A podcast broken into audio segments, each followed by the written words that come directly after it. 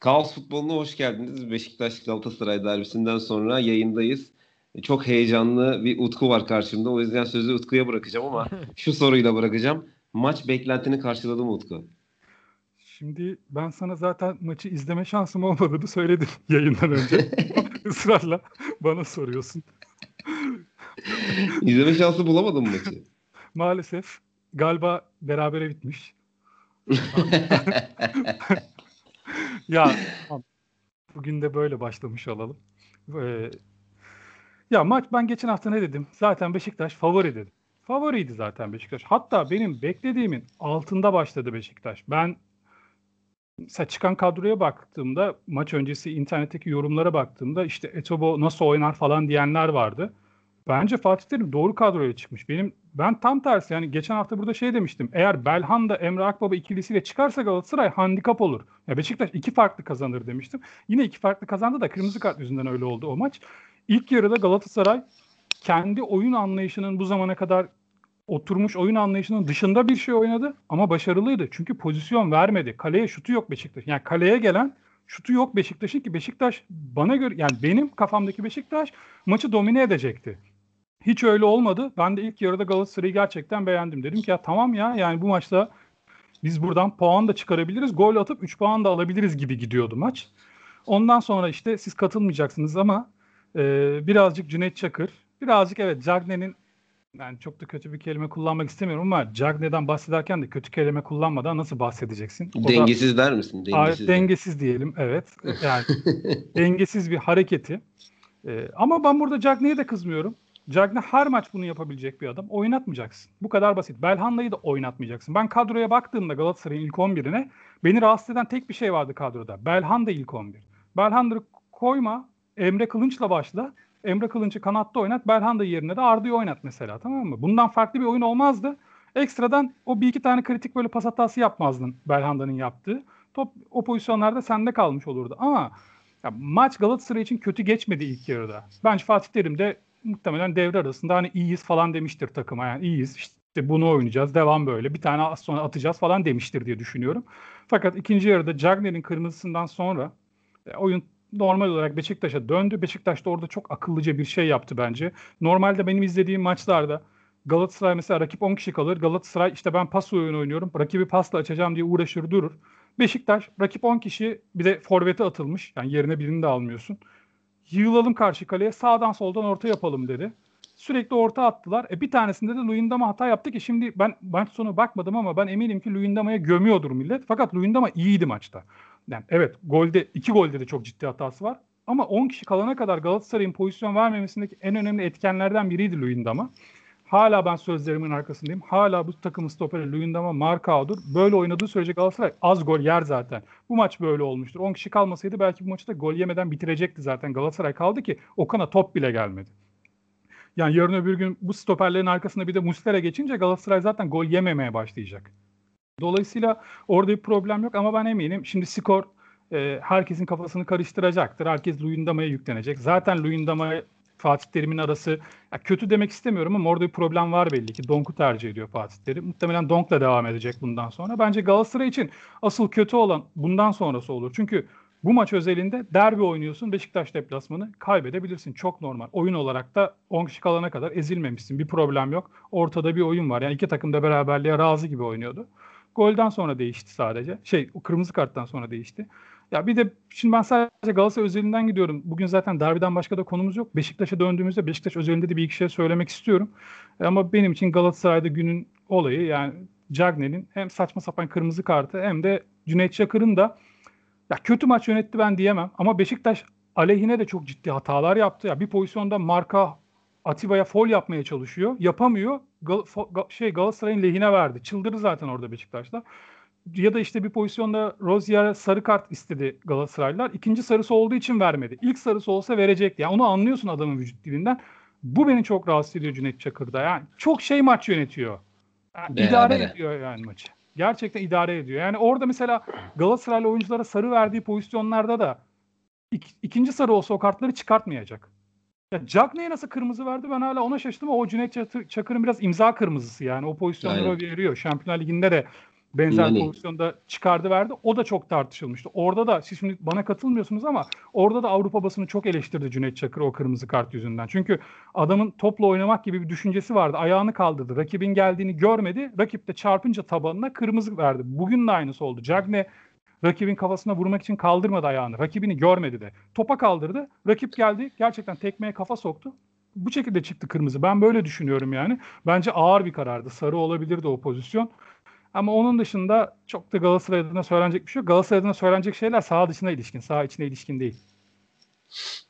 Ee, ben maç nasıl oldu dedim. Sen Galatasaray'la ilgili eleştirilerini sunmaya başladın. Ee, belli ki maç senin açından çok keyifli geçmemiş. Ee, Oğuz sen maçı nasıl buldun? Beklendiği gibi miydi yoksa hani beklediğinden farklı bir karşılaşma mı oldu? Yani ben şöyle e, Yani- örnek vererek sözü sana atayım. Evet. Benim mesela beklediğim gibi bir maç oldu. Şöyle iki takım da birbirini oynatmamaya çalışıyordu. Beşiktaş ön alanda pres yaparak Galatasaray'ın pasla çıkmasını engelliyordu. Galatasaray da biraz daha derinde, biraz daha geride bekleyerek hani biraz daha e, defansı arkada e, o boşluğu e, kaleciyle defansın son adamın arasındaki boşluğu azaltarak e, pasla çıkmaya çalışıyordu. İlk maçta da çok fazla pozisyon yoktu. Bir tane pas hatası dışında kırmızı karta kadar. Sen ne dersin? Ya şimdi Utku'nun temelde söylemek istediğine katılıyorum ama o konuyu da senin değindiğin konuyu da es geçemeyiz. Yani Larin orada atsa farklı bir maç olacak. Hani Beşiktaş'ta aslında ilk yarı pozisyonun kralı var. Hani daha net bir pozisyon yakalayamazsın. Larin çok kötü topla tam bir sekiyor. Ayağını da böyle gereksiz açıp bütün gücüyle vuruyor. Yani çok amatörce bir vuruş ve o gol olsa maç iyice değişecekti kırmızı karta kadar. O Galatasaray'ın şansı diyelim. Başta şanssızlığı olan yani pas hatasıyla gelişen pozisyon. Ben e, Fatih Terim'in bu kadar saygı duymasını beklemiyordum Beşiktaş'a. Galatasaray çok saygı duyuyordu. Yani oyun anlayışından çok belli. Mesela Sergen Yalçın daha az duyuyordu. Beşiktaş'ın gene alıştığımız gibi bir e, topyekün gittiğini gördük arkayı boş bırakıp. Maç daha 0-0 iken ve ilk yarıda. İlk yarının ortasında bir ara e, sanki şöyle bir durum oldu. Beşiktaş gidiyor, topu kaptırıyor. Bu sefer Galatasaray topyekün gidiyor. Yani bu oyunun Beşiktaş'a yaradığını biliyoruz. Bunu eminim Fatih Terim de biliyordur. Fakat sanki o an şöyle bir şey hissettim. Atarsak böyle atarız. Yani Fatih Terim ve Galatasaray hani şu an tamam Beşiktaş'ın istediği oyun ama biz golü çıkartırsak buradan çıkartırız. Hani bir 10 dakika bunu oynayalım. Hani biz gidelim onlar gelsin. Biz gidelim onlar gelsin. Ki nitekim e, pozisyona dönüşmedi. Fakat Galatasaray ileride çoğaldı ve topu ceza sahasına göndermeye çalıştı ya da gönderebildiği anlar oldu. Bu anlarda ben Cagney'i çok konsantre buldum ve beğendim. Hatta Cagney ve Abubakar yer değişse ilk yarının skoru daha farklı olabilirdi diye düşündüm. Bu kaçan pozisyondan bağımsız. Yani sanki Beşiktaş'ın istediği konsantrasyon ve o günkü form Cagney'de vardı. ilk yarı özelinde. Ya 2-3 pozisyonda topu tutmayı başarıp pozisyonu devam ettirebildi. Hani bildiğimiz Cagney normalde göğsünü alıp ayağından açıp devamında pozisyonu bile takip etmez. Fakat topu saklamayı başardı. Özellikle ilk yarı bir iki pozisyonda. Ee, ben Fatih Terim bunu az önce bahsettiğim sekansı düşündüğünü ve bunu istediğini e, düşünüyorum. Ya yani bunu istedi. Bir oyun böyle bir git gel olsun. Biz bu dakikalarda bir golü bulursak sonra zaten Galatasaray'ın e, biraz daha beklemeye yönelik oyunu vardı bu maç özelinde. Bu devam edecekti. Daha da e, tutacaktı bu plan. Orada bir gol çıksaydı. Çıkmadı. Kırmızı karttan sonra çok sıkıcı oluyor. Ya ben bir maçta kırmızı kart çıkınca canım sıkılıyor biraz. Yani ma- maç o, maç maç olmuyor artık. Yani Galatasaray yapabileceği hiçbir şey yoktu. 2-0'a kadar. 2-0'dan sonra çok pozisyon buldu. Yani topu yığdı oraya.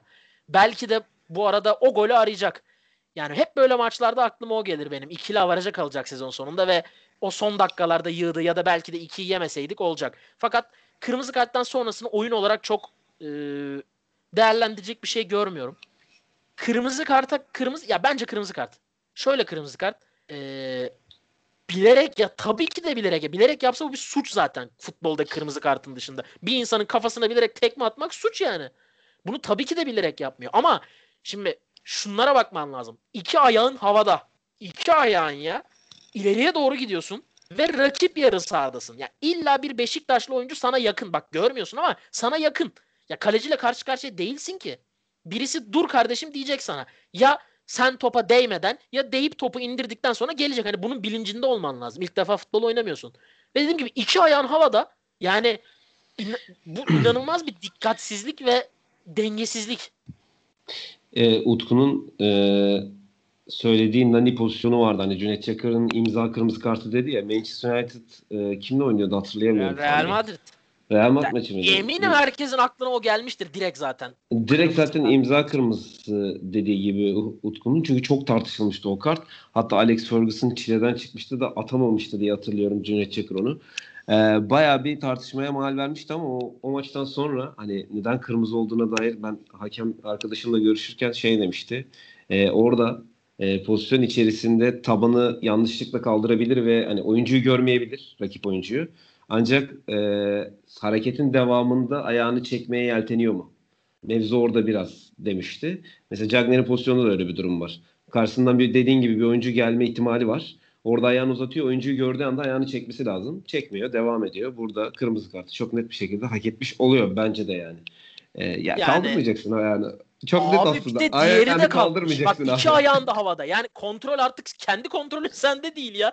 Böyle bir insan olabilir mi? İki ayağın da havada ileriye doğru gidiyorsun. Ama e, burada ben aslında Jackney'i çok fazla mesela eleştiremiyorum. Çünkü zaten hani sakar bir oyuncu. Ama senin dediğin gibi fazla konsantre olduğu için bunun gerçekleştiğini düşünüyorum. Hücumda da bence yani bence Arda dışında yalnız kaldı ki Arda da kendi fiziksel e, şu anki yani fiziksel yeterliliğine göre mücadele edebiliyor. Maksimumu da çok yeterli değil fiziksel olarak. E, dolayısıyla fazla yalnız kaldı. Çok fazla sağa sola koşturdu. Hani zaten potansiyeli de belli. Hani oyuncunun ne verebileceği belli. Verebileceğinin de birazcık üstüne çıkmaya çalışınca böyle bir sakarlık meydana geldi. Hani Jack Ney'de kızamıyorum. Biraz şanssız olduğunu düşünüyorum ben mesela. Abi, ya tabii ki de şanssız araya... ama hani bak az önce söylediğim bilinç olur sende. Yani bu bilinç olur.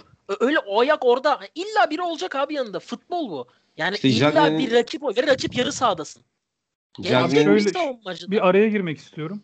Cagne özelinde bunu söylemeden o yapamayacağım çünkü. Yani şimdi adamı övüyorsunuz. Överken bile şöyle övüyorsunuz. Hani çok iyi konsantre olmuştu bu maçta. Bir iki tane top geldi onları tutabildi. Ya işte Cagne böyle bir adam abi yani. Ya öyle zaten yani zaten yani Cagne'nin bu kadar tartış o zaman. tartışıl... Problem buradan başlıyor ya, benim için. Şimdi, oynatmayacaksın. E, oynatmayacaksın dediğin adam 13 milyon euro yatırım yapılmış adam yani oynatmayacaksın diye bir konu mevzu bahis değil. Bu adamın nasıl alındığına dair net bir açıklama da yok. Hani mesela Fatih Terim bu konuda nasıl bir karşılık verdi Cagne e, alınacak? Yani şu anda o açıklamayı da yapamaz. Yani o istemedim diyebilir Abi, mi bilmiyorum. Har, açıklamayı yapıyor. Onu da şu anda şu anda mesela maçtan sonra e, pozisyonla ilgili Cagney'e çok fazla kızdığını e, gördüm. Hani şu an açıklamayı arıyorum bir taraftan da hani yapılmaması gereken bir hareketti. Bir profesyonelce değil demiş. Yani Fatih Terim de biliyor adamın profesyonel olmadığını ama oynatmak durumunda Utku. Biraz hani o konuda acımasız olduğunu düşünüyorum burada. Abi yani. niye oynatmak yani burada olsun ya? Ya oynatmak durumundasın. 13 milyon euro yatırılmış bir oyuncuyu oynatmak durumundasın abi. Abi yani çünkü bu işte, bu oyuncu zarar veriyor sana. Bir şey katmıyor takıma. Bırak genç birini oynat belki. E, faydalı sattığın olur. kadar al gibi şeylerle uğraşırken bu oyuncuyu oynatmamak ya bilmiyorum fazla ha, fazla bugün, şımarıklık Bugün oynattı. Yani. 3 milyon euro daha koydu değil mi bonservisine bugün? Kapımızı çalarlar hemen. Abi ee, oyun, ne... hani Oğuz Oğuz bir ara şey için demişti. O şu an adını hatırlamıyorum. Forvet'inin Fenerbahçe'nin sattı ya. Ademi. Yok yok o değil. Yok, Daha önce şey. Tamam oynatmadı. Oynatmadı Frey. diyelim. Frey, Oynattıkça Frey. değeri düşüyor abi bu adam. şöyle şöyle diyelim Utku. Oynatmadı. Ee, sen tabii ki kim oynatacak? Ali Yavuz Kolu evet. oynattı. Evet. Tamam Ali Yavuz Kol da çok berbat bir maç çıkardı. Evet. Ya, Oğuzcan da ileride oynayıp Babel'le de oynayabilirdi ya. Ha, ya şimdi o zaman Babel'i de bana göre oynatmamalı. Arkadaşlar aramızda yani anlaşın sonu... bir 11 kuralım ya. Böyle bir yere varamayız ben size e, söyleyeyim. E, yani ben, Bence ben Dines oynamalıydı. Şener ben oynadı. Zaten, yani. E, e, ben, ben zaten geçen e, programda da bunu belirtmiştim. Galatasaray'ın kadrosu gerçekten kötü. Hani kadro mühendisliği olarak ortada hiçbir şey yok. Belli birkaç tane parlayan oyuncu var. Yani tamam dediğimiz hatta burada konuşmuştuk. Marka Taylan. Üçüncü böyle net konuşamıyoruz yani. Bir evet, türlü. Çok zaten kadro sallantıdayken hani şunu oynatmasın şunu oynatsın diyebileceğimiz çok fazla bir şey yok bence. Ee, Şanssız bir pozisyondu. Ben e, Utku şu şunu desen katılırım sana.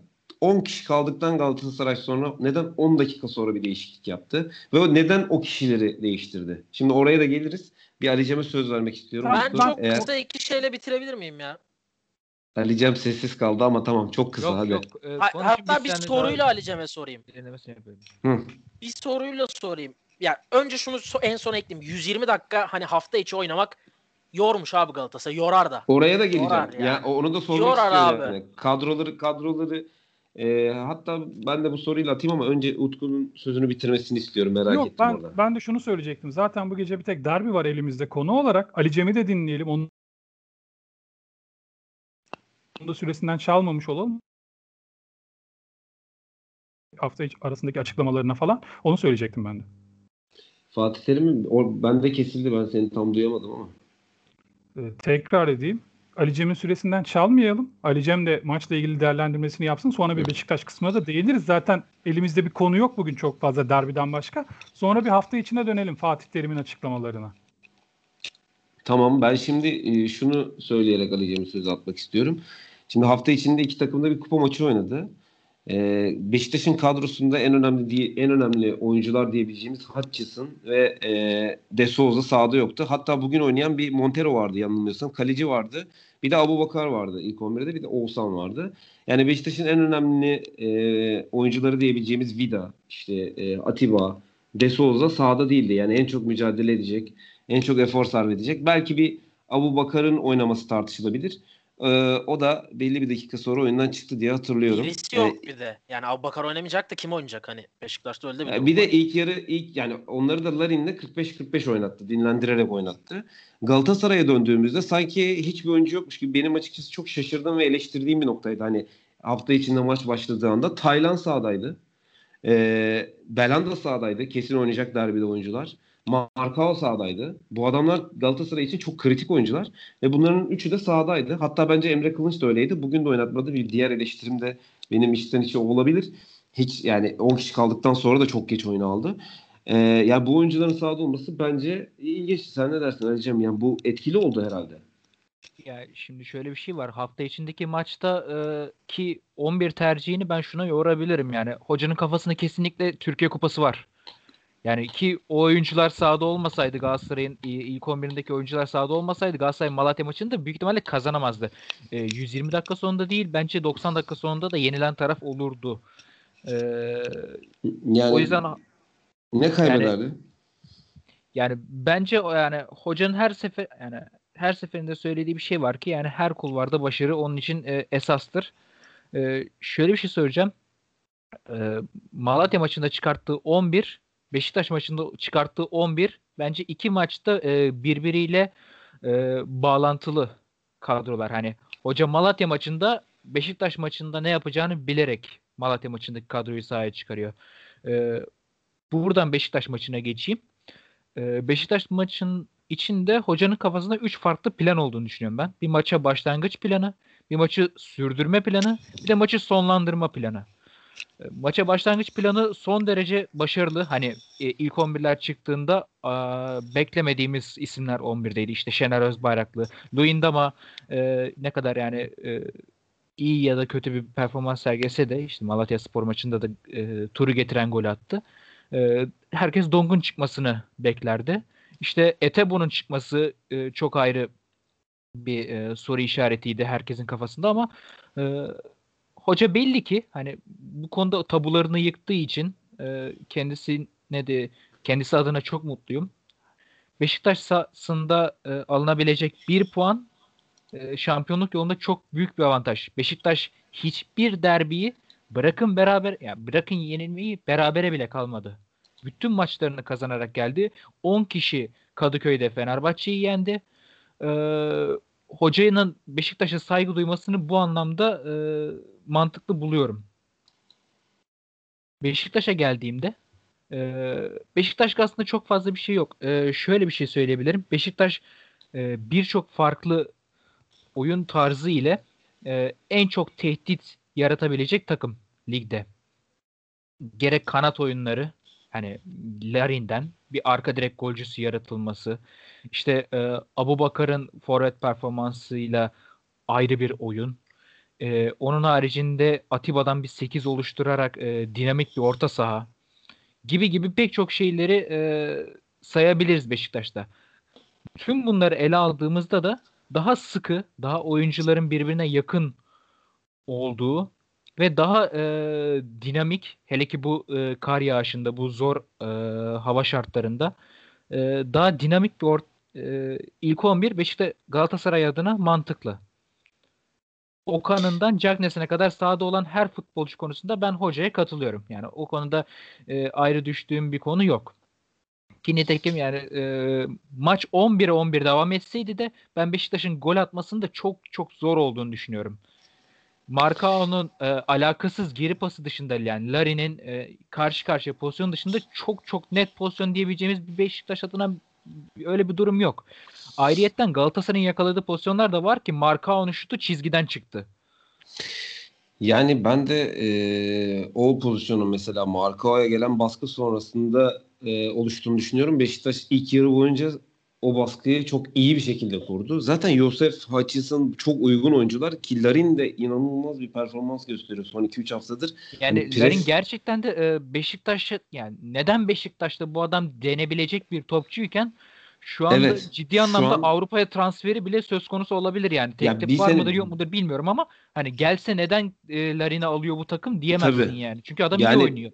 Bir, yani bir senede bir sezon bile değil belki 5-6 maçta e, birdenbire bambaşka bir Larin ortaya çıktı. Hem çok iyi bir pres yapıyor hem de bu maçta 4 kere adam geçmiş örneğin. Ee, arka direkte bitirici noktalarda sürekli bulunuyor. Yani arka direk dediğimiz bir, bir, bitirici birçok noktada bulunabiliyor. Aynı zamanda süratli. E, topsuz oyunu da iyi. Larin ekstra bir faktör koyuyor ortaya. Ki bunun, hani Larin... bunda en büyük Ama bugün yani maç Sergen Hoca'yı da şey yapmamamız lazım yani. Ya öyle tabii o pozisyonu kaçırması Oğuz hani e, kötü ya taraftar yani, çok... da biraz Yok işler değişirdi yani. Larin'e olan ya bakış değişirdi. Ben ben emin değilim. Orada Larin'in mesela yaptığı baskı çok eforlu bir baskı yani. Bayağı bir 50 metre depar atarak o pozisyona giriyor. Hani ya o golü tabii kaçırma hani kaçar o pozisyon diyebileceğimiz bir pozisyon değil. Katılıyorum sana yani. O topu çok rahat yani vurabilirsin. Hücum oyuncusu olarak bitirmen gereken bir pozisyon. Yani. Haklısın. Ee, hani katılıyorum ama hani e, bir taraftan da hani e, oradaki emeğin e, onu yorduğunu, oradaki eforun onu yorduğunu da ben ben e, oraya da bağlıyorum. Çünkü çok fazla baskı yaptı Beşiktaş e, ilk yarıda Galatasaray'a bence. E, o pas oyununa da izin vermedi. Taylan'ı kilitlediler yani. Taylan topu aldığında e, Beşiktaş Taylan'a doğru çok böyle adım adım daraldığını ben hani e, kendimi oraya koyduğumda daraldığımı hissediyordum yani. E, bence çok iyi bir baskı yaptı Beşiktaş. E, topu kazandıktan sonra Galatasaray'a derin boşluğu vermediği için e, çok net pozisyona giremedi Beşiktaş. E, iki takım da çok net pozisyonlara giremedi. Ama burada e, dediğim gibi ben biraz hafta içine takılıyorum. Yani hafta içinde Beşiktaş bunu planlayarak hani e, Ali Cem sen dedin ya planlayarak Galatasaray Malatya maçına çıkmış Fatih Terim hani burada hangi 11 ile oynayacağını düşünmüş. E kritik oyuncuları kritik oyuncusu Galatasaray'ın Taylan. E Beşiktaş'ın da hafta yani Galatasaray'la oynayacağı maçta kritik oyuncuları De Souza ile Atiba. E bunları dinlendirmiş e, Sergen Yalçın. E, burada dinlendin yani 2-3 günlük süre e, profesyonel futbolcular için rejenerasyon anlamında yeterli bir süre ama pandemi döneminde çok sık maç yapan e, ve hani sürekli efor sarf eden bu oyuncular için bence ekstradan birkaç gün dinlenme ki Galatasaray bir de 120 dakika oynamış oldu. E, çok önemliydi. Bence bu fark yaratan durumlardan biriydi. E, bilmiyorum Utku katılır mısın ama. Ben şöyle söyleyeyim yani e, Heh, sahada sen... e, sahada yoruldu artık çıksın diyebileceğim bir Tayland'da yoktu açıkçası. Onu da söylemiş olayım ki e, şöyle de bir şey var yani as oyuncularından kastımız da hani Markao e, işte Tayland gibi daha çok kendi yarı sahasında bekleyen e, oyunculardan kurulu. Yani saha içerisinde çok çok fazla diğer yani bir Emre Kılınç kadar bir e, örnek vermem gerekirse Belhanda kadar, Feyguli kadar, Babel kadar koşan oyuncular değil. Bunlar daha fazla mesafe kat eden oyuncular. E, ki Taylan'ı da düşündüğümüzde hani e, ciğersizliği bence burada hocanın e, dayanak noktası olabilir yani. Allah dediğim gibi ben biraz e, bunun hatalı bir karar olduğunu düşünüyorum. Bana göre öyleydi yani. E, hatta şaşırdım bayağı bir ya. E, Beşiktaş'ın maçında izledikten sonra daha doğrusu Beşiktaş'ın hafta içi kadrosunu gördükten sonra da hani Sergen'in de benzer düşünüyor olması ben yani kendi adıma e, onaylanmış da hissettim kendimi açıkçası. E, bence kritik bir hataydı. Ama benim en çok takıldığım noktalardan biri bu gece için konuşacak olursak 10 kişi kaldıktan sonra Galatasaray'ın 10 dakika bekleyip e, üzerine statik bir Donk ve Ryan Babel değişikliği yapmış olmasıydı. Arda her ne kadar fiziksel olarak yeterli bir oyuncu e, bence değil yani profesyonel anlamda. Ama ona rağmen çok iyi mücadele ediyor. Çok dinamik, e, elinden geldiğince dinamik bir şekilde hareket ediyor sahada. E, Belanda da e, eleştirsek de burada pas hatalarıyla, tercih hatalarıyla e, sahada yani Donk'tan da Babel'den de dinamik. E, bu iki oyuncunun çıkıp kenarda olan Emre Kılınç'ın ya da Ömer Bayram'ın sahaya gir, girmesi yerine Donk ve Babel'in sahaya girmesi bana göre skandaldı ki bu değişiklik kırmızı karttan 10 dakika sonra oldu. Yani 10 dakika e, boyunca herhalde maç durmuştur yani. Türkiye'de 10 dakika durmayan maç yok diyebiliyorum. Ne diyorsun Utku? Ya bence de oyuncu değişiklikleri yanlıştı Galatasaray'ın. Ya bir de rakip gelecek yani üstüne biliyorsun. Beşiktaş sonuçta 10 kişi kalmışsın. 0-0 oynamayacak o maçı. Arkaya koşu yapabilecek. Belki işte Kerem olabilirdi kadrodaysa. Çünkü dikkat etmedim yedeklerde var mıydı diye. Ee, Emre Kılınç. Kerem kadro Kerem kadroda, Emre Kılınç yani, kadroda. Emre Kılınç olabilir. Feguli bile kadroda bu arada. Ya, yani çünkü süratli bir oyuncu, boş koşu da atar arkaya vesaire olabilirdi. Fatih Hoca biraz daha orada hani skoru korumayı seçti. Böyle bitireyim diye. Belki de koruyacaktı bu arada. Golü de biraz şanssız bir dakika da şanssız şekilde yedi. Yani ortalar gelmeye başlamıştı. Galatasaray ama pozisyon falan vermiyordu 10 kişiyken de. Beşiktaş'ın bir tane pozisyon var. İlk yarıda o da Markao'nun geri pastaki hatasından gelen pozisyon. Keza Galatasaray'ın pozisyonu da duran toptu zaten. Ya maç öyle gidiyordu ya. 0-0 bitecekti o maç. 11-11 oynansaydı. Tesadüfen gol bulan takım da alacaktı maçı. Ama 10 kişi kaldıktan sonra ben zaten dedim hani Beşiktaş bu maçı kesinlikle alacak diye. Çünkü zaten güçlü takım Beşiktaş. Ya ben çok Galatasaray üzerinden gittim. Beşiktaş'ın da aklını yemek istemem. Yani birkaç nokta var Beşiktaş'la ilgili söylemek istedim. Bir kere Atiba. Ya ben gerçekten hayranlıkla seyrediyorum. Aklım almıyor ortaya koyduğu performansı. İlk yarıda bu maçın ilk yarısında sıfır pas hatası yapmış adam. Ya öyle pasları da böyle stopere falan vermiyor. Ya oynuyor yani bayağı orta sahada topla bu adam. Ve pas hatası yapmıyor. Her yerde sahanın her yerinde yani Galatasaray'ın sol bekine de basıyor. Gelip kendi savunmasının önünden top da alıyor. Müthiş bir adam. Hayranlıkla seyrediyorum. İkincisi Larin. Siz zaten değindiniz yeteri kadar. Hani bu adamın o çok güzel bir tanım. Beşiktaş'ta ne işi var diyebileceğim bir adam bugün hani Beşiktaş'a fazla ya fazla derken tabii ki Beşiktaş çok büyük bir takım da tutamayacak yani elinde böyle giderse. Alacaklar yani Larin'i oradan. O noktaya gelmiş durumda. Zaten Ki almalarında benim... pek bir sıkıntı yok yani uygun paraya tabii, teklif tabii. gelirse tabii, satabiliriz tabii yani Beşiktaş. Ee, yani şu anlamda da ben Sergen Yalçın geçen hafta söyledim yine yenileyeceğim bunu. Ya, kadrodaki herkesten verim alıyor adam çok saygı duyulası bir iş başarıyor ve Beşiktaş kötü başlamıştı lige bir de. Yani başlangıçta sallanmasa şu an bayağı fark da atardı arkadaki rakiplerine. Şu an zaten Galatasaray'a 5 puan fark yaptı. Çok da böyle yenilecekler, kaybedecekler gibi de durmuyor. Gayet sağlam bir oyunları var. Artık oturtturdular oyunlarını. Ee, buradan ben bu şekilde bırakmak istiyorum. Çünkü Fatih Terim'le ilgili bir şey söylerken tekrar mecburen Beşiktaş'a değineceğim. Yani Sergen Yalçın hangi oyuncularla neler yapıyor? Fatih Hoca sürekli transferi eleştiriyor da dönüp de birazcık da kadroya bakması lazım ama bunu şu an uzatmak istemiyorum. Son kapanışı ben bununla yapmak istiyorum. Ben bir şey sorabilir miyim? Az önce de soracaktım. Gerek. Etobo hafta içi mi iyileşti mi? Sakat mıydı? Ne oldu? Ya kadroda da yok ondan önceki üçlük maçı falan. Etobo... Bir sakatlığı mı vardı da döndü?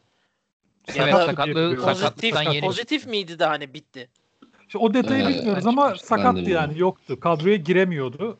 Ya sakattı ya da hastaydı. İkisinden biriydi ama kupa maçında süre aldı diye hatırlıyorum Etabo. Evet evet. evet. Kupa maçında sonradan giriyor yanlış hatırlamıyorsam. Hı-hı. Bugün de yani demek ki oynatacak Fatih Hoca. Yani, yani bu kadar bu... apar topar kupa döner dönmez önce kupa maçında oyuna sokup sonra derbide ilk 11 başlatınca ya herhalde planlarında var demek ki yani.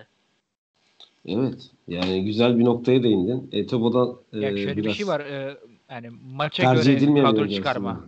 Maça göre kadro çıkarma bakımından Etebo senin için her zaman bir değer. Bu tip ya maçlarda sahada neden ya. bu adam var diyebileceğin türden bir isim değil Etebo. Ya öyle de işte bu oyuncuyu hazırlamak gerekmiyor mu? Mesela Sergen Yalçın'ın en iyi yaptığı şeylerden biri bence buydu. Yani o ilk 11'ini az, az 11'ini e, oyuncuları e, her maç oynata oynata oynata oturttu. E, orada işlemeyen parçaları çıkardı. Yerine yenisini Ki, denedi. Tekrar işlemiyorsa tekrar çıkardı. Tekrar ötekini denedi. Bu şekilde sahada oturttu ilk 11'ini. Yani Fatih Terim'in bence bu sene e, yani hatta belki de bu e, son döneminde Galatasaray'ın başında geçirdiği bütün dönemde en büyük yaptığı hatalardan bir tanesi bu bence. Yani çok akışkan bir kadro e, yaratmaya çalışıyor. Ya bu hata diye burada vurguluyorum ama hani içten içe de bunun bir sistem kurma telaşesi olduğunu da biliyorum. Bunun da yanlış bir yöntem olduğunu da düşünmüyorum ama bir taraftan da bu sistemi kuramazsan altında paramparça olabilecek bir kulüp var. Ee, yani sen oradan gittiğinde yani Fatih Terim hoca olarak ayrıldığında e, geride bir enkaz kalabilir. E, ben e, şunu sorarak e, sözü Oğuz'a atmak istiyorum. Hafta içi bir tweet atmıştım ben. E, Yosef Beşiktaş'ın X faktörü diye. E, kilidi açan oyuncu oldu. Tabii ben bunu kastetmiyordum ama sahada yani bu maçta 7 tane top kapmış Yosef. Ona en yakın oyuncu yani en yakın top çalan oyuncu Vida 3. Yani ben pardon Atiba 4. Atiba da var. Yani Beşiktaş'ın orta sahasının hakimiyeti buradan da gözleniyor yani. Ben şöyle diyeyim bence çok güzel gol bu arada. Yani, Ters bir şey yaptı ya. hani ya gene aynı yere dönmeyeceğim de hani Larin öyle bitirmiyor pozisyonları öyle söyleyeyim. Yani çok kontrol ve vuruş aynen hani gerçekten Brezilyalı gibi bitirdi yani pozisyonu. Benim çok hoşuma gitti gol. Yani, yani çok sade bir gol gibi gözüküyor ama aynen öyle. Çok güzel bir gol. Ya zaten o ikisi kesindi. Önünde hani Oğuzhan olacak mı olmayacak mıydı? Ya Sergen önce bu maç için Oğuzhan'ı seçmiş. Arkasına çok güven, muhtemelen ikisine de çok güvendiği için Atiba ve Josef'e. Ya maçta da gördük zaten neden bu kadar güvenmesi gerektiğini çok net gösterdi. Ben iki fark ben de iki farklı oyuncuya değineceğim. Birincisi Gezal. Benim şöyle hoşuma gitti. Ee, bütün hızlı hücumları doğru seçim yaptı. Yani topu olabilecek neredeyse en iyi Beşiktaşlı oyuncuya verdi genelde. Hani dört hızlı hücumda topla buluştuysa üçü olabilecek en iyi Beşiktaşlı oyuncu. Önüne arkasına değil ayağına. Çok güzel ve bu bence Beşiktaş'ın bu kadar hızlı hücuma bir anda hızlı hücuma çıkan bir takımın çok değerli bir parçası. Yani çok önemli çünkü sen hızlı hücuma gider yani 4 kişi 5 kişi ileriye koşmakta bir şey yok. Fakat senin o noktada oyun kurucu oyuncun doğru pası vermiyorsa hiçbir işe yaramıyor. Gittiğiyle kalıyor 3 tane en öndeki oyuncu koştuğuyla. Gezal bunu çok doğru yaptı ve e, ya böyle bir maçta bile bunu doğru yapmak bir sonraki daha zayıf takımlarda diyeyim e, Galatasaray kıyasla daha çok işe yarayacak. Diğer bir oyuncu da ya defalarca söyledim yine söylüyorum. Abi Rozier her maç atılır. İsteyen bir hakem her maç Rozier'e atar. Her maç atar. Ve kimse de dönüp hocam nasıl attın diyemez. Ya bu maç da aynısı. Ha bence ikinci sarı kart biraz fazla olurdu sarı kart verse. Bence değildi. Ama verse kimse bir şey diyemez abi. Ne alaka diyemezsin yani. Arkadan yaptığı müdahaleye. Ve daha ilk yarı senin sarı kartın var. Bak bunu çok daha atılması gereken maçlar vardı. Ya bunun konuşulması lazım. Çünkü yetenekli, sahada varlığıyla fark yaratan bir oyuncu. Ama dediğim gibi yani iki maçta bir atılsa gerçekten kimse bir şey diyemez. Bu atılacak konuma kendini getiriyor. Ve genelde sakarlıkla da değil. İki sarı kart. Hani ilkinde akıllanmıyor da. Ya böyle hakikaten sakar oyuncu olursun. Birinin bileğine basarsın. İşte hani tekme atarsın kasıtlı olmadan bunları söylüyorum. Çirkef değil sakar olursun anlarım. Her maç ama sarıyı aldıktan sonra sürekli var. Bu maçta ya verdi Cüneyt Çakır ikinci sarıyı. Ne diyebilirsin? Bit ilk yarıda bittin 10 kişi kaldın. Daha ilk yarı. İlk yarının ortası hatta galiba sonu da değil. Ne yapacaksın? Ya bunu daha önce çok yaptı. Hani bunun gerçekten bu kadar e, yetenekli bu kadar Beşiktaş özelinde sahada fark yaratan bir futbolcu konuşulması gerek bence. Ya bence birinin kenara çekip konuşması lazım Rozier'le bunu. Ya oğlum bak yapıyorsun ama yapma. Yapma yani. Yapma. Hani öyle çok rahat bir konumda değilsin. Fenerbahçe kazandı mı aynı puandasın. Haftaya Rozier gene bunu yaptı. Atıldı geriye düştün. Ya da bir sonraki derbi de yaptı. Attı hakem. Attı yani. Ve dediğim gibi bir de değil. En az 3 tane 4 tane maç sayarım şimdi geriye dönüp özetleri izlesem bile. Özetlerde bile var çünkü Rozier atılabilirdi pozisyonu tartışmak için. Ya anlama bunu neden kimse konu belli ki konuşulmuyor bu oyuncuyla. Ya ya da anlamıyor bu oyuncu. Bunu Atılınca neden kimsenin umurunda değil. Ya bunu bir tek ben fark ediyor olamam yani. Bunu bir tek ben fark ediyor olamam. Abi atılınca konuştuktan sonra da onu konuşmazlar Çağdaş. Hakemi konuşurlar. İkinci sarı sarı değildi. İlkinde fazlası erken sarı verdi falan. O da Atılınca yani. da o konuşulur. Hiç Rozier Mesela, daha önce 5 kere bunu yaptı olmaz yani. Saratçı da öyleydi. E, bence Türkiye'ye geldiğinde şu anda biraz daha değerli toplu oynuyor. Yani hani bir, çok fazla e, sarı görmeye yönelik bir oyunu vardı. Bence mesela belli ki uyarılmış. Onu biraz daha değerli toplu oynuyor. Rozier de o süreçten geçecek. Zarar gören yani. Beşiktaş olacak yani bunu ne kadar geç yaparlarsa. Doğru. Onlar için o kadar. Bu arada bir de şunu en son ekleyeyim. Rıdvan da çok iyiydi bence. Özellikle iki kere Çok falan soğukkanlıydı. evet bir iki kişiyi peşine takıp koştu. Yani gerçekten soğukkanlı olmak gerekir. Özgüvenin çok yüksek olması gerekir. Böyle bir derbide karşında böyle oyuncular varken topu alıp gitmek. Ve daha kariyerinin daha başında ben e, uzun süredir de bu kadar süratli bir e, kanat beki görmemiştim ligimizde de. Çünkü genelde bizim kanat beklerimiz daha böyle yani en son hatırladığım Gökhan Gönül'ün işte o prime dönemi vardı. 25-26 yaşındaki halleri vardı. Hani maç boyunca 38 tane bindirme falan yapardı böyle çılgınca Sabri Sarıoğlu var. vardı. Sabri kariyerine ama sağ açık başladı yani. O daha sonra da. Sabri, Forvet Sabri'ye bir hatta. bek demek bence birazcık orada yanlışlık olur. Doğru doğru pardon. Ee, Sabri'den özür dilerim. yani e, çok şey vaat ediyor. Hani beni çok heyecanlandırıyor Rıdvan o konuda. E, bana kalırsa da hani Utku'nun o Larin konusunda söylediği gibi elde tutmakta da son derece zorlanacaklar ki elde tutmasına da gerek yok zaten Rıdvan'ı. E, bilmiyorum Beşiktaş e, aslında altyapısından da uzun süredir böyle yıldız futbolcu çıkarmıyordu. Yıldız adayı olabilecek futbolcu çıkarmıyordu yakın tarihte de. Bu e, hem kulübün kendi açısından bir e, güvenini yerine getirdi. Hani altyapıya duyduğu güveni de yerine getirdi. Aynı şekilde Ersin de keza öyle. Ama Rıdvan gerçekten çok göze batan performanslar sergiliyor. Bu sezonda yani ilk asistini yapmasına rağmen çok kritik bir yerde yaptı. Böyle de devam eder inşallah. Ee, şimdi şöyle bir şey değinmek istiyorum. Sözü de aldım kusura bakmayın ama e, Estağfurullah. Fatih Terim'in e, kadro değerlendirmelerini gözümün önüne alıyorum. Kırmızı karttan sonra e, 10 dakika beklenildi ve Donk ve Babel oyuna girdi. E, zaten 10 kişi kaldığında Galatasaray maçı kazanma ihtimali sıfırdı. Yani İşte 10 neden böyle oluyor ya? Bu, bu normal mi? Bu e, şöyle söyleyeyim başka takımlara karşı bu durumu bilemem. Galatasaray bu sezon gerçi çok kırmızı kart gördü. Hani 6. kırmızı kart herhalde. E, yani Beşiktaş'a karşı şöyle öyle söyleyeyim. Beşiktaş'a karşı 10 kişi oynamak Yok e, o Başına- çok haklısın bu arada. Yani ben, başına ben gelebilecek en kötü şey. En ben de öyle şey. hissettim. Ama ben bunun değişikliklerle e, en azından hani, Absorbe edilebilecek ben çok kesinlikle mesela kesinlikle Galatasaray bu maçı kazanamaz ya da kesinlikle kaybeder.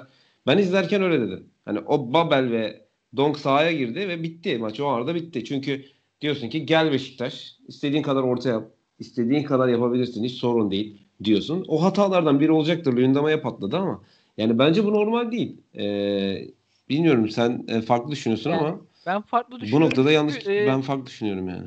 Emre Kılınç'ın daha erken girdiği işte e, Babel'in daha erken girdiği işte ne bileyim Fegoli'nin tercih edildiği bir senaryoda hani takım savunması anlamında çok e, geri plana düşecekti ki Galatasaray'da şöyle bir şey var. Beşiktaş'ta oyuna giren her futbolcu e, sahada ne verebileceği kesin isimler. Emre Kılınç, Emre Akbaba, e, Feguli oyuna girdikten sonra aa şimdi bunlar oyuna girdi. Ömer Bayram. maçı- Ömer Bayram aa, bunlar oyuna girdi. Bunlar e, nasıl oyna yani kesin iyi oynayacaklar diyemiyorsun. Aa acaba nasıl oynayacaklar diyorsun. Burada daha böyle e, garanti oynadı Fatih Terim. Donku aldı, Babel aldı. Hani 0-0 oynadı. Bu konuda da ben hani dediğim gibi baştan da söylüyorum. Hocayı yadırgamıyorum. Gerçekten de Vodafone Park'ta alınacak bir puan inanılmaz iyi bir başarı. Hani Galatasaray üzerinde söylemiyorum. Yani ligdeki bütün takımlar için bunu söylüyorum. Gerçekten çok ararsın o bir puanı. Ee, ki net yani yedikleri golleri bakıyorsun Galatasaray'ın da ikisi de savunma yani bireysel hatadan kaynaklı. Takım halinde e, böyle herkesin bir anda uyuduğu bir senaryo yok yani. Birisi bir ıskalıyor. Luyendama ıskaladı. Luyendama'yı da suçlamıyorum hani. Öyle düşünme. İkinci gol için suçlarım. İlk gol için suçlamam. Hani ıskaladı topu. Ve yani bir anda boşluk yarattı yani. Şöyle söyleyeyim. e, hatırlar mısınız? Hafızalarınızı tazeleyin. Galatasaray yine bu statta oynadığı bir maçta Gomis'in oynadığı sezonda Beşiktaş'a karşı 3-0 mağlup oldu. O 3-0'lık maçta Muslera ikinci yarının başında bir hata yapmıştı. İkinci golde rastgele alakasız yani özette bile gözükmeyecek bir şut bir anda sekti Tosic'in önünde kaldı. Hani bu statta da bilmiyorum Galatasaray'ın çok da şansı yaver gitmiyor bu konuda. Hep bireysel hatalardan sonuçlar doğuyor. Bu maçta da öyle oldu. Yani e, Donk ve Sen biraz şansa tercih- bağlıyorsun. Yani Vallahi şöyle söyleyeyim. yani ben e, anladım. Galatasaray adına e, Galatasaray'ın forvetinin Jack ne olması büyük bir şanssızlık. Bu konuda öyle bir şey söyleyebilirim. Ya Yani işte e, Jack'lerin sen sahada kendin kaldığı bir Alican, sahada kaldığı Alican, bir şurada senaryoda anlaşamıyoruz bak bir şey söyleyeceğim. Şimdi sen kendin söyledin. Larin Beşiktaş için ne işi var Beşiktaş'ta diyebileceğimiz bir oyuncu değil miydi? evet. Cagney için de aynı şeyi söylüyoruz Aynı şekilde adına. Kesinlikle. E, o zaman e, burada bir hata yok mu? Yani burada o ya da işte burada bir e, değişebilecek bir şey yok mu sence? Yani hani bir şeyler değiştirmesi gereken bir adam yok mu sence yani? Şöyle söyleyeyim. e, bu konuyu çok e, geniş açılardan ele almamız gerekiyor. Burada tek sorun e, hoca değil ya da tek sorun Cagne de değil. E, Cagne e, dediğimiz gibi yani kırmızı kartta da İşte dahil olmak e, üzere yani yani Larin'in Beşiktaş'ta yani. ol Benim Larin'in için tek Beş- sorun hoca burada onu söyleyeyim. Yani bak bir- şöyle söyleyeyim bak Larin'in Beşiktaş'ta olmasıyla ilgili tek sorun da e, hoca Larin ya da işte yönetim değildi. Yani hatta yönetimler değişti. Bir sürü bir işte parasızlıktan bahsedildi. Ahmet Nur Çebi açıklamalar yaptı. Ama Sergen hiçbiriyle ilgilenmedi ve takıma odaklandı. Evet. Takıma göre bir oyun oynatmaya çalışıyor. E, şu anda çünkü koşullar bunu götürüyor. Sergen Yalçın da bambaşka, daha farklı bir oyun oynatmak istiyordur büyük ihtimalle sorsak. Ki sık sık bunu söylüyor. E, Fatih Terim de başka bir oyun oynatmak istiyor. Evet. Ama şu an elimizdeki malzeme bu değil deyip e, ona göre bir şey yapması gerekmiyor muydu? Bu, bu maçı özgü bir eleştiri değil sadece. Bu maçı özgü eleştirim de benim şurada başlıyor. 10 kişi kaldığında neden Galatasaray'ın bir planı yok? Neden Fatih Terim'in bir planı yok? 10 kişi kalırsam ben şunu yapacağım. Yani 10 şu, zaten şu şekilde oynayacağım. Ama Yani herhangi bir plan zaten. olduğunu düşünmüyorum ben. Ya plan baştan Gömülmek dışında. maçın maçın başından beri plan buydu ki Galatasaray burada yani e, gol atmak ikinci plandaydı. Bunu e, tekrar tekrar yenileyeceğim. Yani e, bu maçı ka- maçın birinci dakikasında da kazanmak zordu. Cagney atıldıktan sonra hiç imkan kalmadı. Birazcık realist bakmamız gerektiğini düşünüyorum. Oyuncu değişikliklerine bakıyorum Beşiktaş'ta. Beşiktaş'ın kadrosu bu arada net Galatasaray'dan çok daha iyi. Enkodu oyuna giren isim. Bernard Mensah ki geçen senenin e, en önemli isimlerinden. Dorukan Toköz ki yani e, şöyle düşünüldüğünde Emre Akbaba ve Ömer Bayram'ın yerine çok rahat tercih ederim ben. Şöyle söyleyeyim yani gireniyle çıkanıyla her türlü Şimdi- Beşiktaş kadrosu Galatasaray'a daha ağır basıyor. Hani E, burada tek tek- eşleştirme eşleştirme yapacak olursak e, Larin hani tamam diyoruz hani Galatasaray Beşiktaş'ta e, neden oynuyor diyebileceğimiz Abi adam. bak, Galatasaray'da da Jack ne? Tamam hadi onları çıkarttın. Ya, em, ya Vincent Abubakar Galatasaray'ın başka forveti yok. Abubakar bir cepte. Şimdi Onun ben dışında- tek tek sayabilir miyim? Kale, bak sadece sayacağım. Herkes kendi içinden yorumlasın. Tamam. Ersin, Okan. Sezon başı. Şu anı düşünme ama. Tabii. Sezon başı. Şu anki Şu olay anı zaten, düşünme. Bak Zaten, şu an eleştirdiğimiz konu Fatih şu anki formları. ya da Sergen Yalçın başarısıdır şu anki konu. Sergen Yalçın başarısız Abi demek daha adam doğru bence de. PAF takım Bence kalecileriyle oynuyor ve doğru. derbi kaybetmedi. PAF takım kalecileriyle. Yedeği de PAF takım kalecisi. Tamam kaleciler belli zaten. Ee, Kaleci sağ de- bek Rozier, Şener. Kalecide bir müdahale olabilir bir- mi? Transfer yapılmıyor diyor Fatih Terim'in eline iki tane oynayan kaleci verdiler. Yani transfer yapmıyormuş ya yönetim. Fatih Terim sürekli yönetime topu. İki tane oynayan kaleci verdiler. PAF'tan kaleciyle oyna demediler yani. Sol beklere gelelim. Saracchi, e, Rıdvan. Sezon Tabii. başını düşün. Tabii ki Saraç. Yani açık ara, konuşmuyoruz açık. Karakçı. Bu arada Montero- Rozier, Şener konusunda Rozier diyelim yani. Ben o konuda Hayır Yalnız öyle diyebilirsin ama. oynuyordu Sergen'de. Onu da söyleyeyim. Sonradan Rozier geldi. O da var yani. Tamam Rozier diyebiliriz bu arada ama Rozier'in ne olduğunu da bilmiyorduk. Hani sezon Ben başında. neyse. Ya bu arada işte. tabii Galatasaray'ın orada oynayan birinci oyuncu sakat hani onu da söyleyelim Bu yani. arada. yani Omar'ın Evet, tabii. İlk tercih Hatta değil bence tabii. hatta bence ikinci oyuncusu da nedense oynamadı. Evet Neyse. onu ben de anlamadım maçı Neyse. Ama. bir şey yok. Devam. Vida, Montero, Marco Luyendama. Hiç konuşmuyoruz zaten stoperleri Tamam, bence. yani- Türkiye'nin Tamam. iyi stoperi İlk şöyle bir şey söyleyeyim. Ee, e, Vida konusunda bir tartışmaya açık konu ama Ma- Montero konusunda tabii ki de Montero Tamam. daha alt seviye. Yalnız ama Vida konusu dur bir dakika Vida orada bir- kesinlikle sezon başı itibariyle güzel tartışma var. gibi Bir dakika sezon başı orada da, itibariyle orada da tartış- şöyle bir şey var. Luyendama ve Markao için 20 milyon eurolar konuşulurken Fatih Terim'in ama tercihleri ama oyun yapısı bu hale getirdi o iki adamı. Diğer tarafta Vida oynamıyordu. Sergen o adamı kazandı. Şu an oynuyor Vida. O da bir artı yani Sergen için. Tamam. De Souza, Hutchinson, e, Oğuzhan, Belhanda, Etobo, Taylan.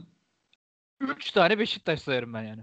Joseph de Souza yani. Sezon başını Sezon başı saysan- itibariyle Joseph de Souza, Atiba, Oğuzhan yani. Ki o Hadi e, Oğuzhan'la Belanda'yı yer Yani bura, bura, burası bayağı bir tartışmaya açık evet. Yani Tartışma Bana sorarsan bana da. Beşiktaş Tartışmayız. kadrosu Tamam her Beşiktaş'a verelim.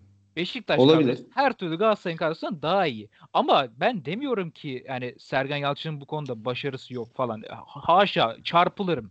Yani öyle bir şey demek benim haddime değil zaten. Ama şunu da belirtmek istiyorum ki 14 gün önce ligin lideri de Galatasaray'dı. Çok uzun bir ge- şeye bakmamıza gerek yok yani. Abi burada İki buradaki buradaki buradaki sorun ne biliyor musun? Buradaki sorun Fatih Terim'in yaydığı enerji. Yaydığı enerji şu. Ben bir öyle bir oyun oynatacağım ama bu oyuncular beceremiyor. Cagne profesyonel değil. Ee, oyuncular yetersiz. Elimdeki kadro yetersiz. Ben transfer istiyorum. Sürekli ağzında böyle laflar var ve e, bu enerjiyi yeniyor, yayıyor. Mesela Arda'nın maç sonu açıklamasını şimdi bulursam hemen söyleyeceğim. Ee, sanki yani e, açıklamayı Arda yapsa hani bütün bu basın toplantılarını Arda yapsa daha iyi olur gibi. Senin dediğin gibi 14 gün önce liderdik şu an değiliz. 7 gün sonra belki lider olabiliriz diyor. Çünkü iki maç var önünde bu hafta yine. Evet. Ee, yine lider olabiliriz diyor. Ama Fatih Terim'in maç sonu açıklamalarına baktığımızda maç öncesinde, maç sonunda ya da başka bir maç önünde, başka bir maç sonunda hepsinde ya transfer istiyor ya elindeki oyunculardan memnun değil ya işte e, yönetimden memnun değil ya başka bir şeyden memnun değil. Bir şeylerden memnun değil. Bir şey Memnun olunacak gibi Burada- mi? Peki. bu, bence memnun Sergen olacak Yalçın da gibi. memnun değil. Ben Ser- onu söylemeye Abi, Bu maç bu Ben maç özelinde ama şöyle düşün. Ya bence şöyle düşünmek lazım. Feguli hazır değil. Yani yeni dönmedi mi? Hazır E, tabii, tabii. oynayacak. Hazır değil. Yok yok hazır değil. yani. Hayır hayır bakıyoruz bak. Fatih Terim açısından bakıyoruz. En e, değerli oyuncularından biri. En değerli oyuncusu açık ara isim olarak Falcao. Sakat. Omar ilk 11 oyuncusu sakat. Yani şu 3 isim yok baktığında. Şimdi bu 3 isimi bugün kadroya yazalım. Az önce karşılaştırmayı bir daha yapalım. Yani az önce İlla, karşılaştırmayı illa sakatları değerlendiriyorsak da bakalım yani. Muslera'yı da yazalım yani. Yani E, Tamam aynı hani ben Tamam Fatih sezon aynı, aynı. daha iyi Ben kadro vermişler yani. işte. Ya Hayır, tamam bak işte bu sakatlıklar- oyuncuların dördü oynayamıyor. Ben ondan Tamam. bahsediyorum. Abi bak sakatlıklar Fatih Terim'in yaptığı şeyler değil tabii ki. Sakatlıklar için hocayı suçlam ama şimdi sen diyorsun ya Mensah Kayserispor'un flash oyuncusuydu. Emre Kılınç da geçen yılın sezonun en iyisiydi bana göre. Verdiler hocanın eline Emre Kılınç. Yani şunu diyorum. Gal- Galatasaray'ın kadrosu mükemmel. Fatih Terim niye oynatamıyor demiyorum. Ama sürekli bana transfer yapılmıyor. Yalnız hissediyorum denecek bir şey de yok. Yap Forvet konusunda istediğim istediği kadar herkes eleştirsin yönetimi yerden göğe kadar haklılar. Ama forvet mevkini bir kenara koyuyorum. Abi transferde geç yapmış olabilir yönetim ama bu yönetim bu Fatih Terim'in de Lemina Seri orta sahasında verdi. Türkiye futbol tarihinin en pahalı orta sahasıdır bonservis olarak bakarsan o ikisi. Tamam kiralık olarak geldi o ayrı ama verdiler yani o kadar da futbolcu alınmadı değil. Emre Babel'i kendisi aldırdı. E, oynatmıyor şimdi kullanamıyor. Bir hoca bir oyuncuyu aldırıp da kullanamıyorsa ki hepsi tutacak diye bir şey yok. Tutmayabilir. Ama bu kadar da böyle yönetime onu almıyorlar bunu almıyorlar değil. Sergen Yalçın'a ne kadar alındıysa Fatih Terim'e de o kadar alındı. Bir tanesi alınanlardan daha fazla verim alabildi diğerine göre. Ha, Fatih Terim'in canı sağ olsun. Bugün Galatasaray hala şampiyonluk yarışındaysa yani adaysa sebebi Fatih Terim'dir. Fatih Terim'i oradan çıkar başka bir hocayı koy. Şampiyonluk yarışı Fener'le Beşiktaş arasında geçer der herkes. Fatih Terim bu kadar önemli. önce kovulmuştu. Ya bu kadar önemli bir figür Fatih Terim. Bu ayrı ama ya biraz da öz eleştiri yapsın. Ya desin ki ben bu kadrodan ya bu kadro bunu mu oynar? Daha fazlası olmaz mı yani? Bunu sorsun Fatih Yani Terim. hiç kendisi. kendinde aramıyor diyorsun yani. Evet, ya evet. yönetim ya transfer Yoksa yapmıyor tabii ki ya futbolcu hatalı. sahada oynamıyor ya futbolcu sakat. Utku, Utku'yla burada katılıyorum. Yani aslında benim hani Cem'e de anlatmaya çalıştığım şey şu- bu. Yani evet sorunlar var ama Beşiktaş'ta da var. Ama Sergen'in ağzından böyle şeyler duymuyoruz biz hiç. Ya o mesela adama sordular Taliska'yı. Adam dedi ki kaç para kazandığını biliyor musunuz dedi.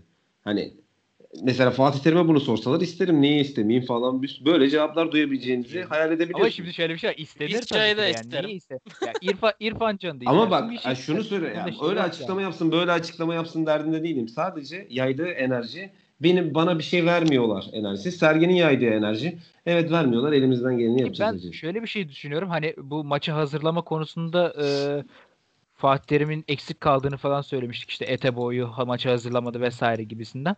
Fatih Terim'in Malatyaspor maçında yaptığı açıklamalardan sonra ben takımda daha böyle bir bütünlük hissettim yani. Arda'sından işte e, Oğulcan'ına kadar işte Taylan'ından Markaos'una kadar hepsi böyle Hayır hocam sen yalnız değilsin. Biz senin arkandayız. Senin için kanımızın son ta- Ya niye Damlasına yalnız kadar- olsun zaten Oradaki hoca yalnızlık açıklaması Ultra Aslan'la ilgiliydi diye biliyorum ben ama hani öyle algıladım açıkçası. Ultra Aslan'ın hafta içinde yaptığı Ya işte, işte hani Ultra- İrfan Can açıklamasına karşılık dediler ya hani e, Gö- Göksel Gümüşdağ'a kesinlikle masaya oturulmamalıdır diye. Hani benim anladığım oydu. Ya bilmiyorum tam olarak neden yaptığını işte, ama benim e, algıladığım oydu mesela. Yani şöyle bir şey var. İşte maçta o açıklamadan sonra mesela Galatasaraylı bütün futbolcular hemen hemen bütün futbolcular Ultra Aslan'ı işte sosyal medya hesaplarından takipten çıkıyor. Bir tavır takınılıyor. Ee, m- maça bu şekilde motive olunuyor. Yani çünkü Ya işte hoca belli ki yalnız işte- değil yani hoca en azından takım özelinde. aynen öyle.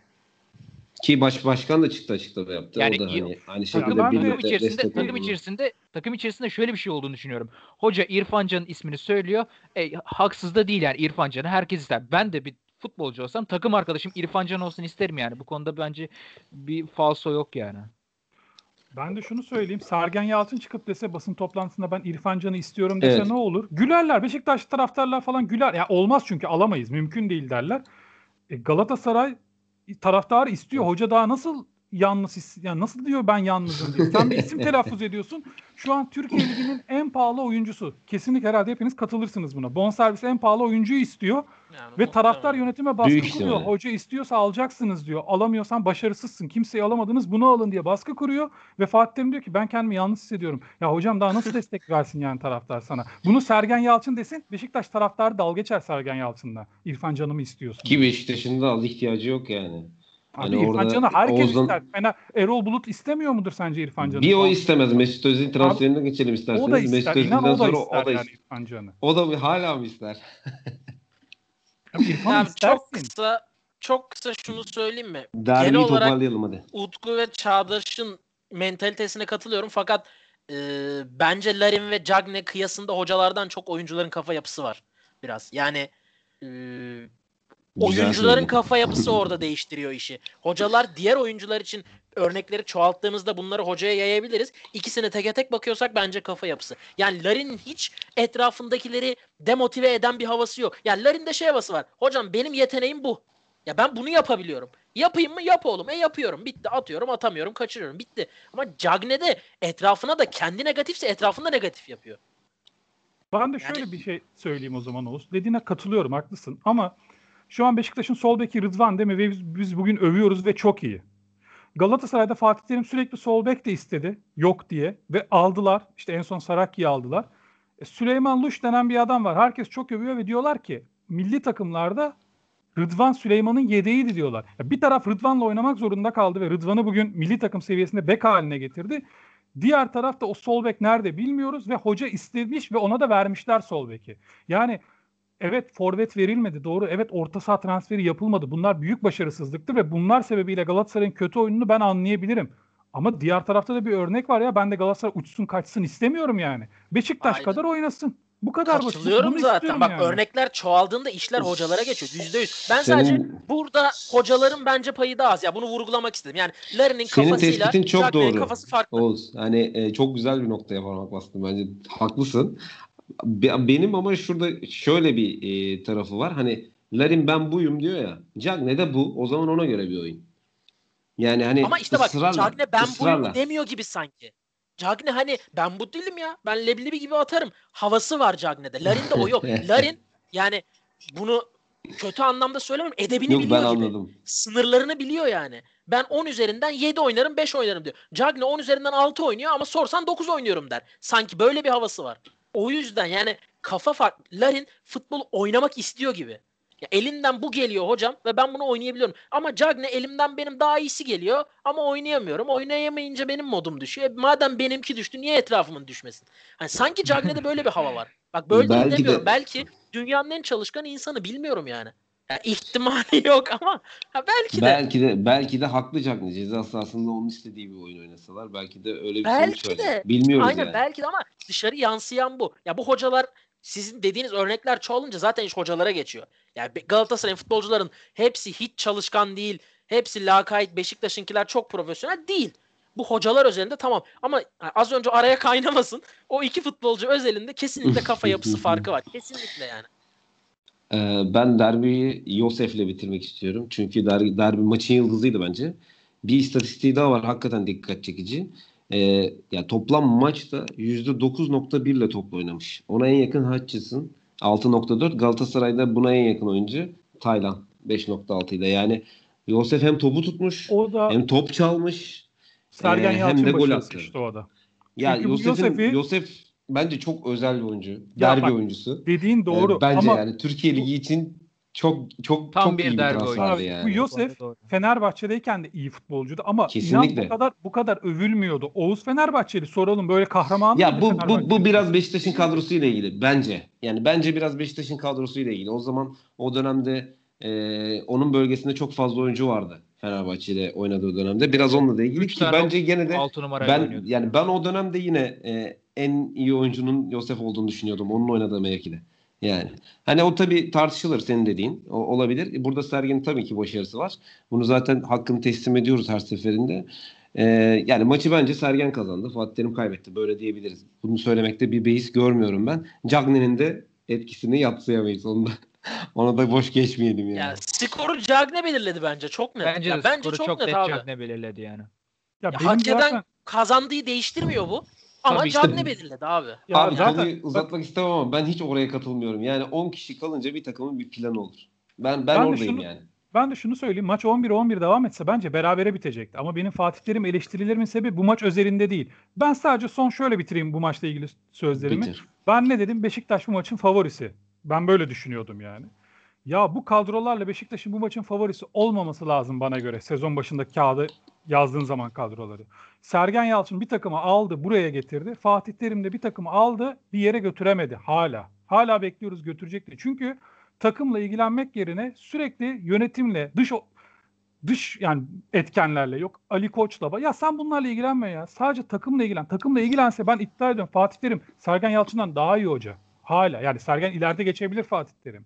Ama Fatih Terim takımla ilgilenmek yerine başka şeylerle yoruyor kendisini. Problem o. Olabilir yani hani e, Fatih Terim başkan olsun diyenler de az değil. E, senin bu sözünün üstüne böyle Bir olsun da görelim bitirelim. yani. Başkanlık nasıl Değil mi? yapılıyor? Bir Bir rahatlayalım. hoca göster bizi. e, Mesut Özil transferine geçelim ya. Bir kısaca onu konuşup bitirelim diye düşünüyorum. Ali'cem e, transfer bitti mi? Sen haber kaynağım olarak Transfer bitti canım. Kapa bildirisi de yaptılar zaten.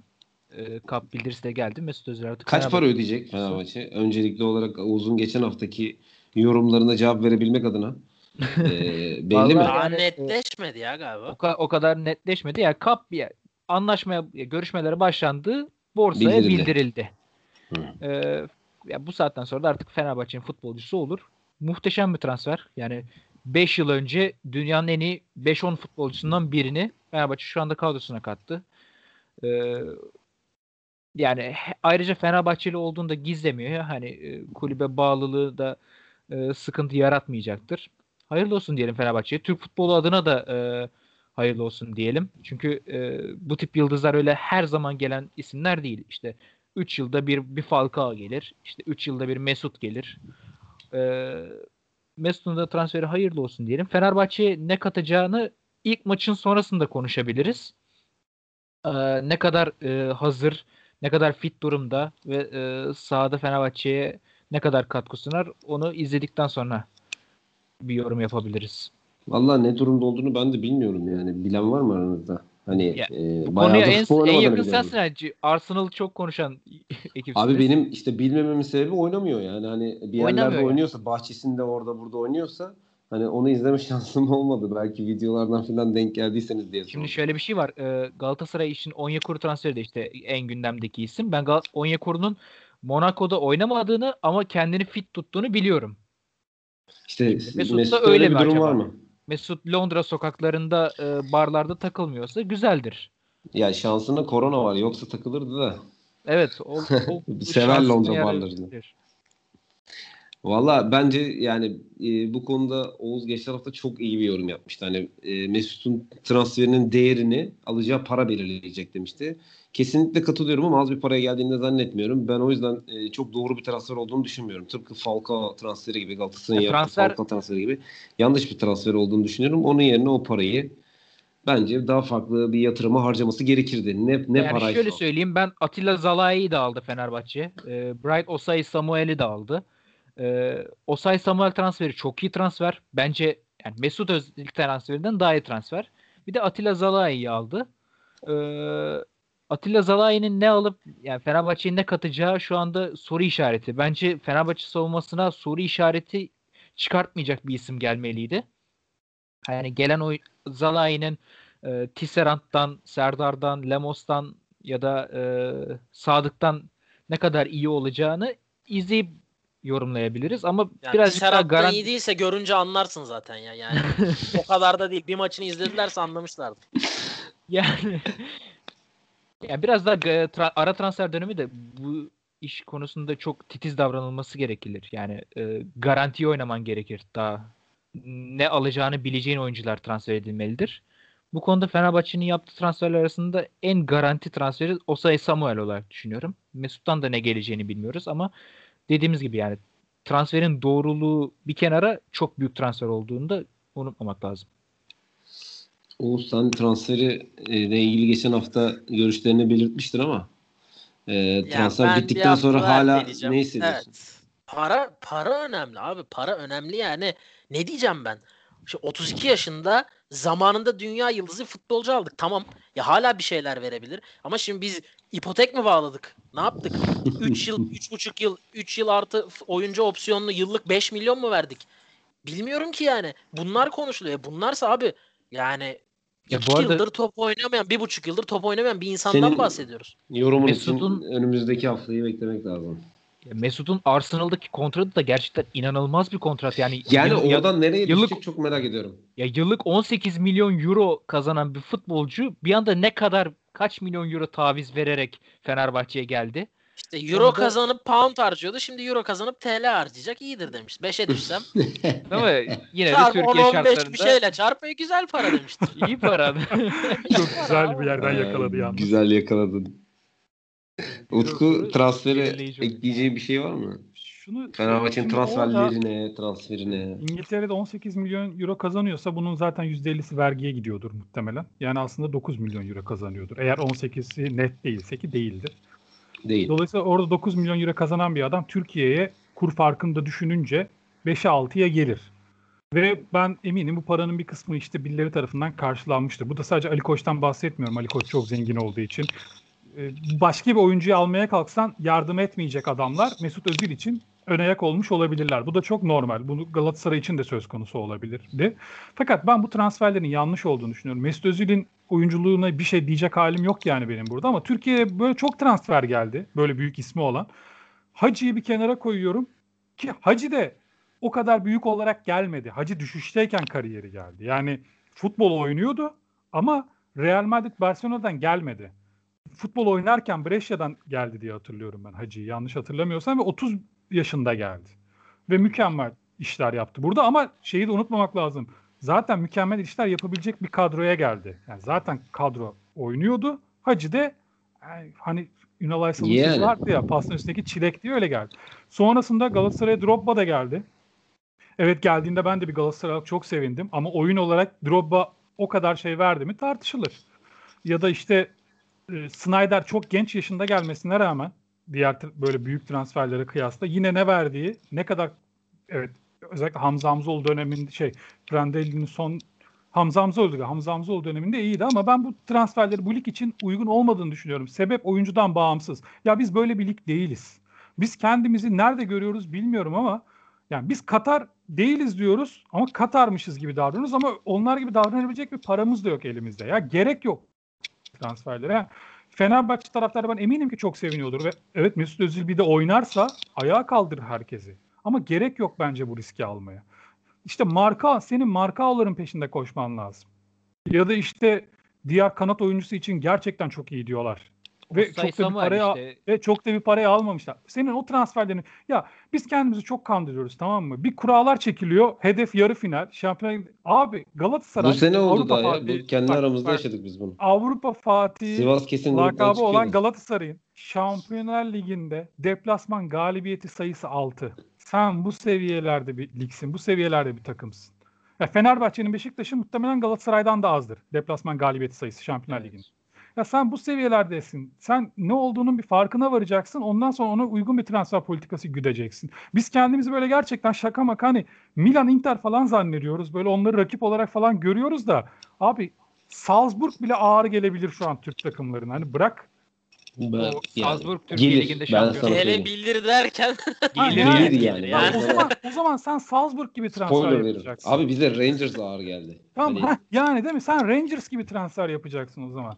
Ben bu bunu Fenerbahçe aldı diye söylemiyorum. İnanın Galatasaray alsa da aynısını söylerim ben. Ben istemiyorum böyle transferler kendi ligimde. Bu lig çünkü böyle büyümeyecek. Ya sürekli senelerdir böyle kandırıyor insanlar kendini. Bir gol atsa parasını çıkartır. Forma satsa Hani- parasını Ya, çıkartır. öyle Yok bir şey şey. Galata Galatasaray transferi diye söylemiyorum ama bence Falcao transferi e, bunun için son nokta son noktaydı yani buna ikna olması lazım artık herkesin ya olmayacak yani abi. belli ki örnek olmamış. Abi 3 Ya sene o sonra abi yani Bak, Falcao alınırken herkesin şey önünde. Van Persie transferi vardı zaten örnek olarak. Abi yok adam kendini inandırıyor ona. Yok diyor Falcao farklı diyor. Van Persie sakattı ama diyor Falcao atıyor da hala Monaco'da diyor. Ya Falcao Galatasaray'a transfer olduğu sezonun başında yazın Kupa Amerika oynadı. İzledim abi adamın maçlarını. Adam bitmişti yani zaten. Yani o yüzden şaşırtıcı değil. Herkes şey diyor sakatlandı. Ya sakatlanmasa da bir şey olmayacaktı. Sen gene Orada- izlemişsin. Biz izleyemedik de yeni transferimizi. Abi bak Aylardır. İnsanlar şunu zannediyor. Falcao oynasaydı, sakatlanmasaydı 20 tane atardı tamam mı? Ama bir şey değil ki abi. Galatasaray'ın Bak, aynı şey- 20 tane atar yani. Bu burada marifet. burada sene sonu konuşuruz. Mesut için de konuşulacak. Bak Abi, aynısı. Aynısı. Ben birebir bir şey aynısı. Bak Ben ya şöyle çok bir şey söyleyebilir şey var. miyim? Söyle. Ee, Fenerbahçe bu kadrosuyla şampiyon olur. Şampiyonun en büyük 2-3 adayından biri zaten Fenerbahçe. Şampiyon olursa işte kesin Mesut geldi takımı şampiyon yaptı denmez. Ben yani öyle bir etki yaratacağını da düşünmüyorum. Hani o kadar büyük bir etki yaratacağını düşünmüyorum. Fenerbahçe Pelkas'ıyla şampiyon olur. E, Ozan'ıyla olur. Mert Hakan'ıyla olur. Luis Olan Gustavo'suyla. oldu ya. Yani Olan Fenerbahçe pelkası oldu abi. Ben bunu Fenerbahçe bu sene şampiyon olursa takım halinde şampiyon olacak. Hani Mesut Özil gelecek takımı şampiyon yapacak gibi bir durum da değil Fenerbahçe yani ve Mesut'a ihtiyaç konusunda orada e, soru işaretleri çıkıyor. Ya Bu ben arada- şunu ben şunu söylemek istiyorum ya. Utku bir saniye çok Tabii, kısa tabii, söyleyeyim. Tabii ki. 32 yaşında son bir buçuk yıldır, bir yıldır futbol oynamamış bir futbolcuya bak adını adını adı önemli değil şu an.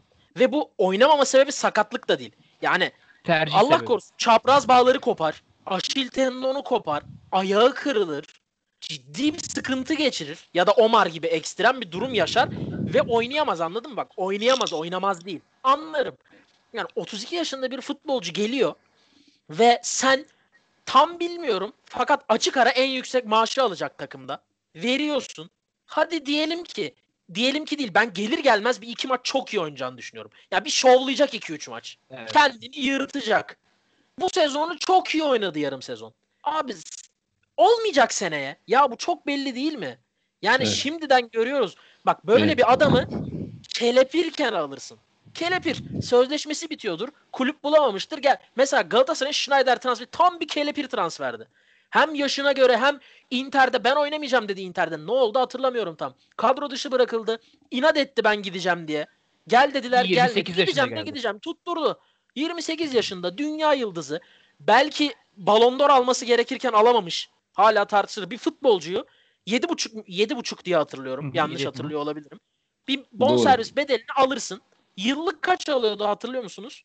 5 diye hatırlıyorum ben. 4-5 gibi bir şey. Bonusu, cartı, curtu 5 Bak, diye. Düz 5 neden? konuşuluyordu hep. Neden geliyor? Çünkü kulüple bir sıkıntısı var. Oynamıyor değil. Abi adam oynamıyor. Oynatmıyorlar. Ve Mesut'un geldiği kulüp yani bundan 2-3 hafta önceye kadar 16. falandı. Yanlış mı hatırlıyorum? 15. Doğru. falandı yani Küme 2-3 düşer haftaya miyiz kadar. Hani belli ki orada beni görse gel seni bir deneyelim orta sahada diyecek bir kulüp o anda. O anda e, bir sıkıntısı var. Yani bak o yüzden ısrar ediyorum. 2 milyon, 2,5 milyon euro şu an Mesut yıllık 2,5 milyon euro alamaz. Alamaz. Ama adını aldığın için verirsin.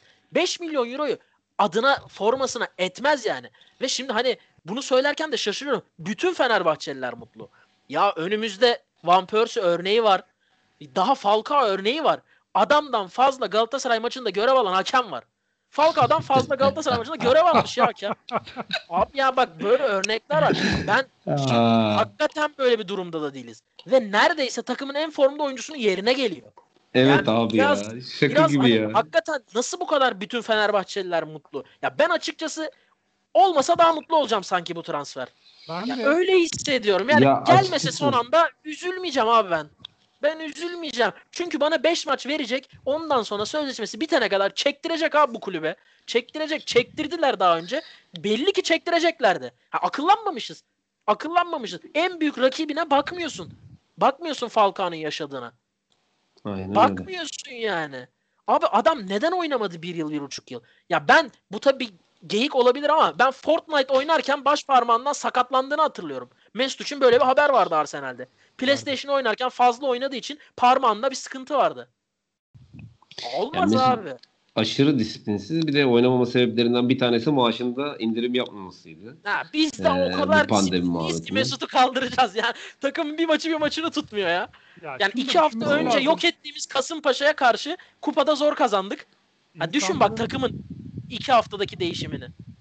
Ya çok da şimdi böyle hani Mesut'a da gömmek istemiyorum. Çünkü ya hakikaten Fenerbahçeliler çok mutlu ama ben de Oğuz gibi neden bu kadar mutlular anlamıyorum. Yani ha ihtiyacı olan bir adam olur. Orada bir eksiklik vardır ve Mesut'la doldurursun. Dersin ki bizi iki sene buraya adam aramayacağız. Mesut buraya Öyle bir şey de yok. Zaten orada Bir de adam da. Falcao'da mesela bir de öyle bir şey vardı. Tabii Falcao'da yani. Hadi bir de- eksiklik vardı hadi orada. diyelim. Ya Hani yine hadi yanlış diyelim. transfer bu arada da hani. Yanlış. Abi çok ya da yanlış. bak ya da diyorum Schneider gibi de değil. Ki Bir anda kucağına düşmedi. Kelepir anladın mı? 7,5 ona. Maaş hadi 5 olsun. Ya bak Galatasaray gibi bir kulübün 12,5 milyon euro veriyor. Bir yıl için o da. İmza parası falan hariç.